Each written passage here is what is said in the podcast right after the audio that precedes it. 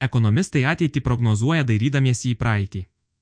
Tačiau keli pastarieji metai pasižymėjo dideliais ir sunkiai prognozuojamais struktūriniais lūžiais - nuo pandemijos iki karo, nuo energijos krizės bei daugam neregėtos infliacijos iki palūkanų normų šoko.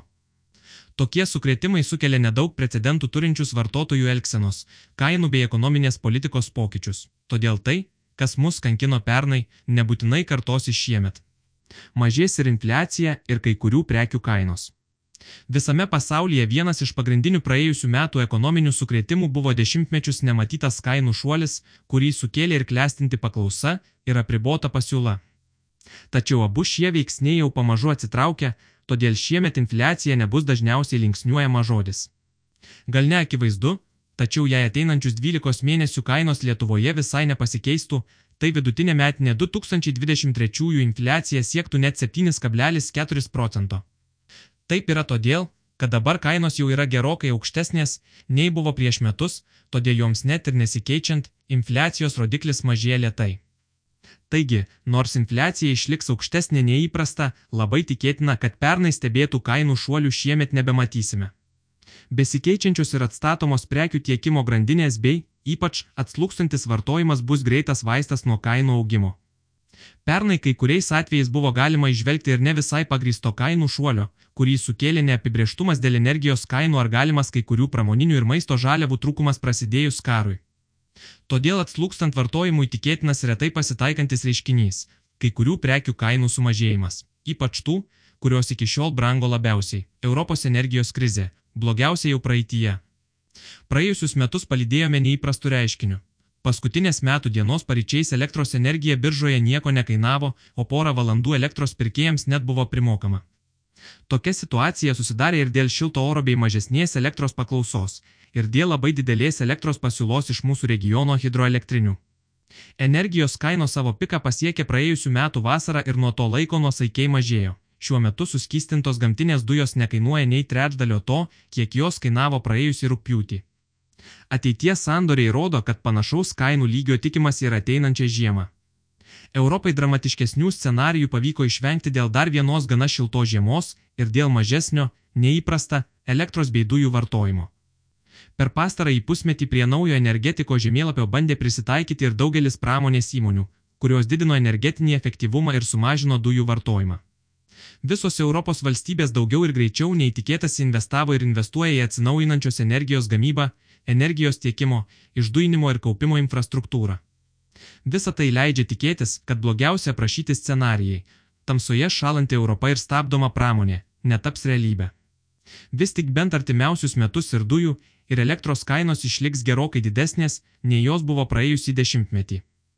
Tačiau keliarių metų perspektyvoje dienos ir naktis, kuomet elektra beveik nieko arba visai nieko nekainuoja, bus vis dažnesnės. Palūkanų normų pikas jau už kampo.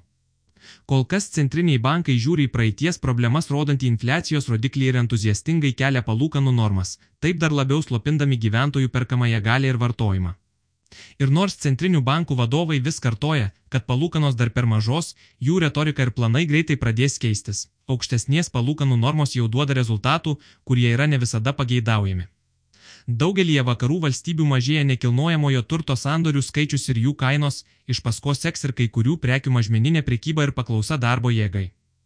Stebint sparčiai mažėjančią infliaciją, gausėjančius recesijos ženklus ir didėjantį nedarbo lygį kelti palūkanas į dar aukštesnį lygį nebus ekonominių ir loginių priežasčių. Dar daugiau, nereikėtų nustepti, jei jau metų pabaigoje kai kurie centriniai bankai pradės mažinti palūkanų normas. Nuolaidos būsto rinkoje. Kol kas Lietuvos būsto rinkoje itin didelio nerimo ženklų nebuvo ir būsto kainos pastaraisiais mėnesiais susviravo neženkliai. Tačiau sandorių skaičius nuo rekordinių aukštumų jau sumažėjo į maždaug 2019 metų lygį, taip pat krito nuomos kainos. Tikėtina, kad vakarų valstybėse stebimos kainų mažėjimo tendencijos pasieks ir Lietuvą. Būsto rinkas slopina ir į dešimtmečio žemumas nukritęs būsto įperkamumas ir prastesnės gyventojų nuotaikos. Įperkamumą sumažino iki daugiau nei dešimtmetį nematyto lygio pakilusios bazinės palūkanų normos bei pastarųjų metų būsto kainų šuoliai, kurių nepasivijo atlyginimai. Vis tik ilgalaikis būsto rinkos išalas ar griūtis išlieka mažai tikėtini. Gyventojų skaičius didžiuosiuose miestuose, ypač Vilniuje, pastaraisiais metais padidėjo, o neparduotų būtų inventorius nėra didelis. Lietuvos banko vertinimu, būsto kainos nuo fundamentalios vertės yra galimai atitrūkę tik maždaug dešimtadaliu. Tai geras metas ieškoti ir tikėtis nuolaidų. Rimtesnė krize kol kas nekvepia. Braškančios nekilnojamojo turto kainos, mažėjanti gyventojų perkamoji gale, bei slopstantis vartojimas kai kam gali priminti slogę 2008-2009 krizę.